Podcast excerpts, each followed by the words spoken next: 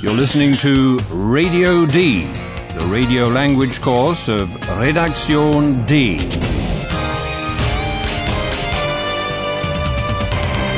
A joint project of the Goethe Institute and Deutsche Welle Radio. The author is Herrad Meese.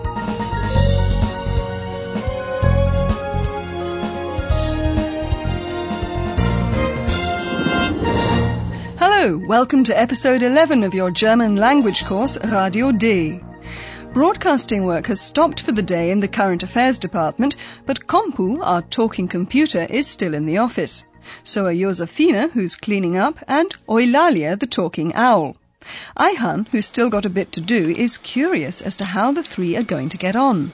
Listen to the start of the conversation.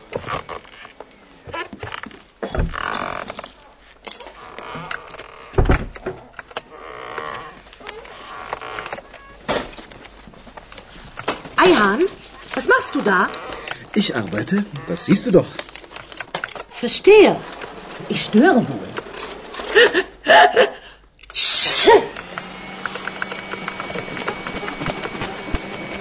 Hallo Eule. Du bist auch noch da?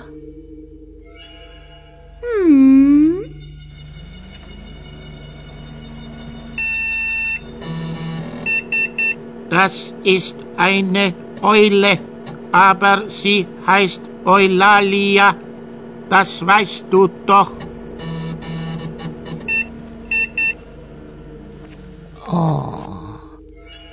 Du hast ja schöne weiche Federn. Sag mal, bist du wirklich eine Eule?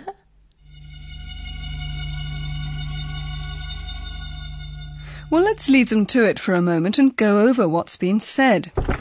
Josefina turns first to Ayhan and asks him what he's doing. Ayhan, was machst du da? Well, that's not hard to guess. He's working. And that, he tells Josefina, she can see, can't she? Ich arbeite, das siehst du doch. Sensitive Josefina has, of course, immediately noticed Ayhan's irritation, so she withdraws, saying, I understand, I'm probably disturbing you. Verstehe. Ich störe wohl. And then, just as Josefina wants to start work, she notices Eulalia. She greets the bird in a friendly way, but she doesn't address it by name. Hallo Eule. Du bist auch noch da? Then Kompu joins in and reminds Josefina of the owl's name. Das ist eine Eule, aber sie heißt Eulalia. Das weißt du doch. Josefina has very carefully approached Eulalia and touched her feathers. She's surprised at how beautifully soft they are. Oh. Du hast ja schöne weiche Federn. Still not quite believing that there's an owl at Radio D, Josefina asks Eulalia whether she's really, wirklich, an owl. Sag mal, bist du wirklich eine Eule? Josefina has a rather lively imagination, and I suspect that when she put the question, she was thinking of the kind of fairy tales in which princes are transformed into animals. Whatever, unfortunately, we missed Eulalia's answer.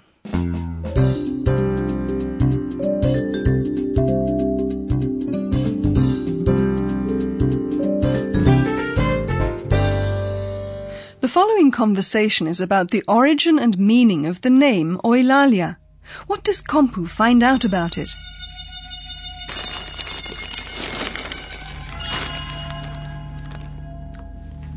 Eulalia. Eulalia. Woher kommt dein Name?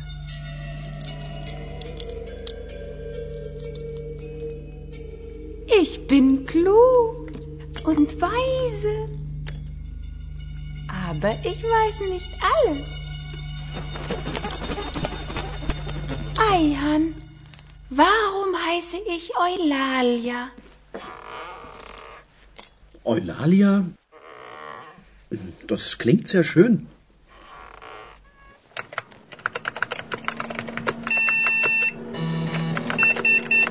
Eulalia, Eulalie, griechisch, Name, weiblicher Name, bedeutet schöne Stimme.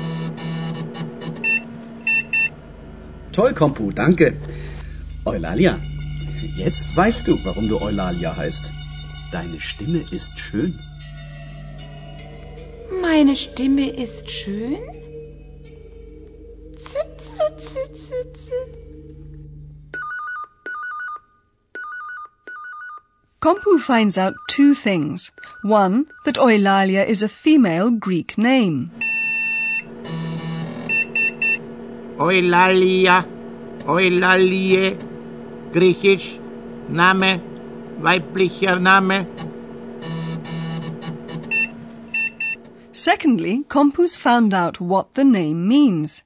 Eulalia means fair of speech or beautiful voice. Eulalia, Eulalie, bedeutet schöne Stimme. Well, at the risk of interfering, maybe I should point out that there's also in Eulalia the Greek word lalin, which means to chatter. That is, to say things that don't really make an awful lot of sense. Anyway, the discussion about Eulalia's name was started by Josefina asking from where, woher, it comes. Woher kommt dein Name? So as not to appear ignorant, Eulalia emphasizes once again that she's smart and wise, but she adds that she doesn't know everything. Ich bin klug und weise. Aber ich weiß nicht alles. Well, we can understand that. And it is, of course, smart of Eulalia to pass the question on to Ayhan. Eihan, warum heiße ich Eulalia? And Ayhan says what he's always said, that Eulalia sounds very nice. Eulalia? Das klingt sehr schön.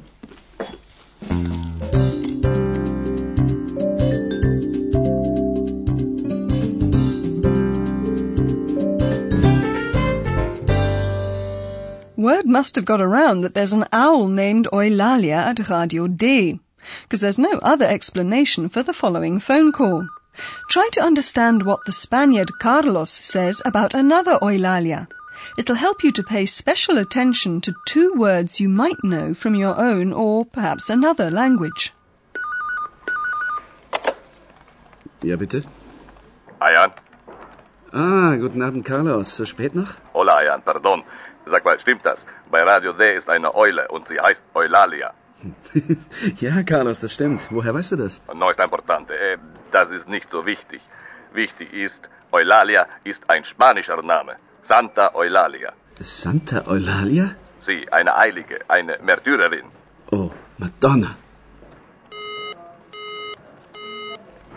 Carlos? Carlos, bist du noch da?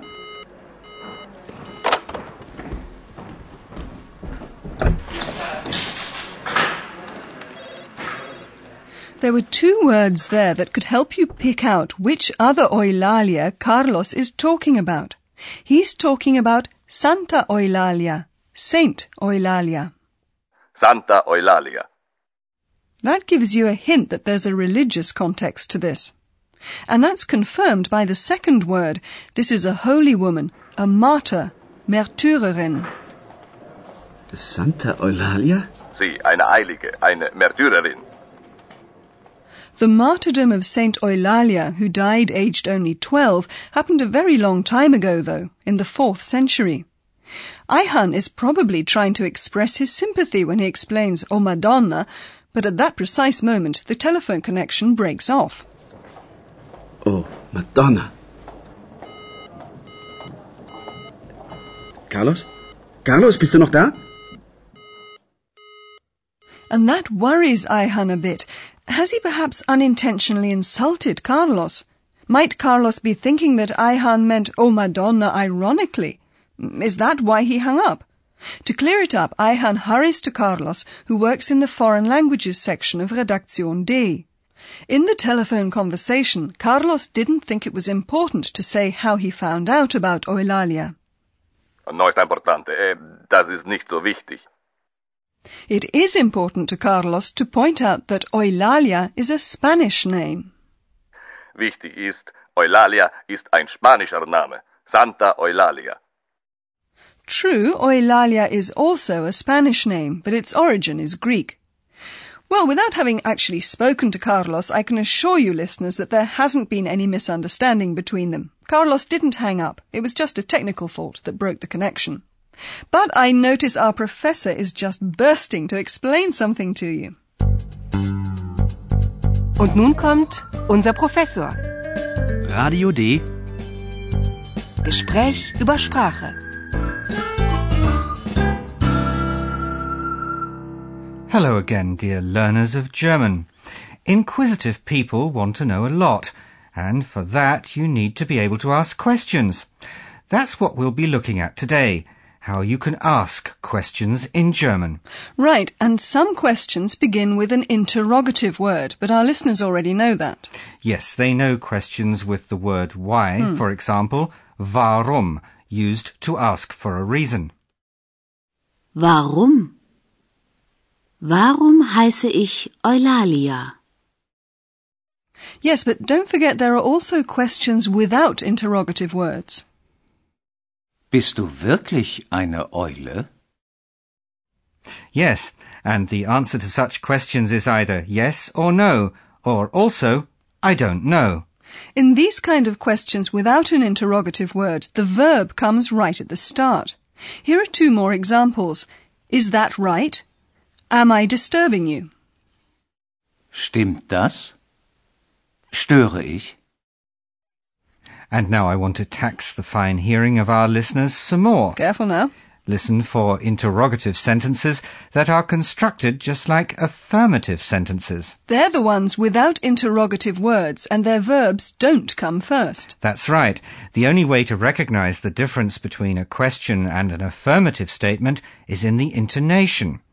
Try to pick which of the two utterances is a question. Du bist auch da. Du bist auch da?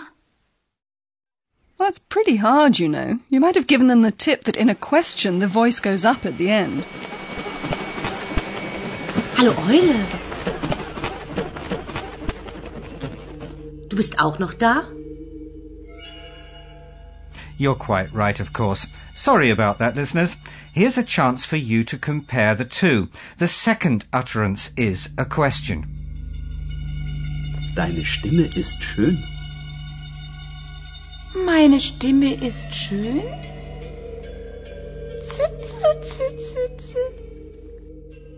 Well, it's getting late now, and the protagonists in our office are saying goodbye. Gute Nacht. Gute Nacht. Schöne, Schöne Stimme. Stimme. Danke. Gute Nacht.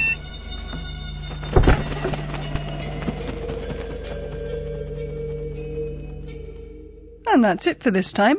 In the next session, we'll be answering some listeners' mail. Liebe Hörerinnen und Hörer, bis zum nächsten Mal.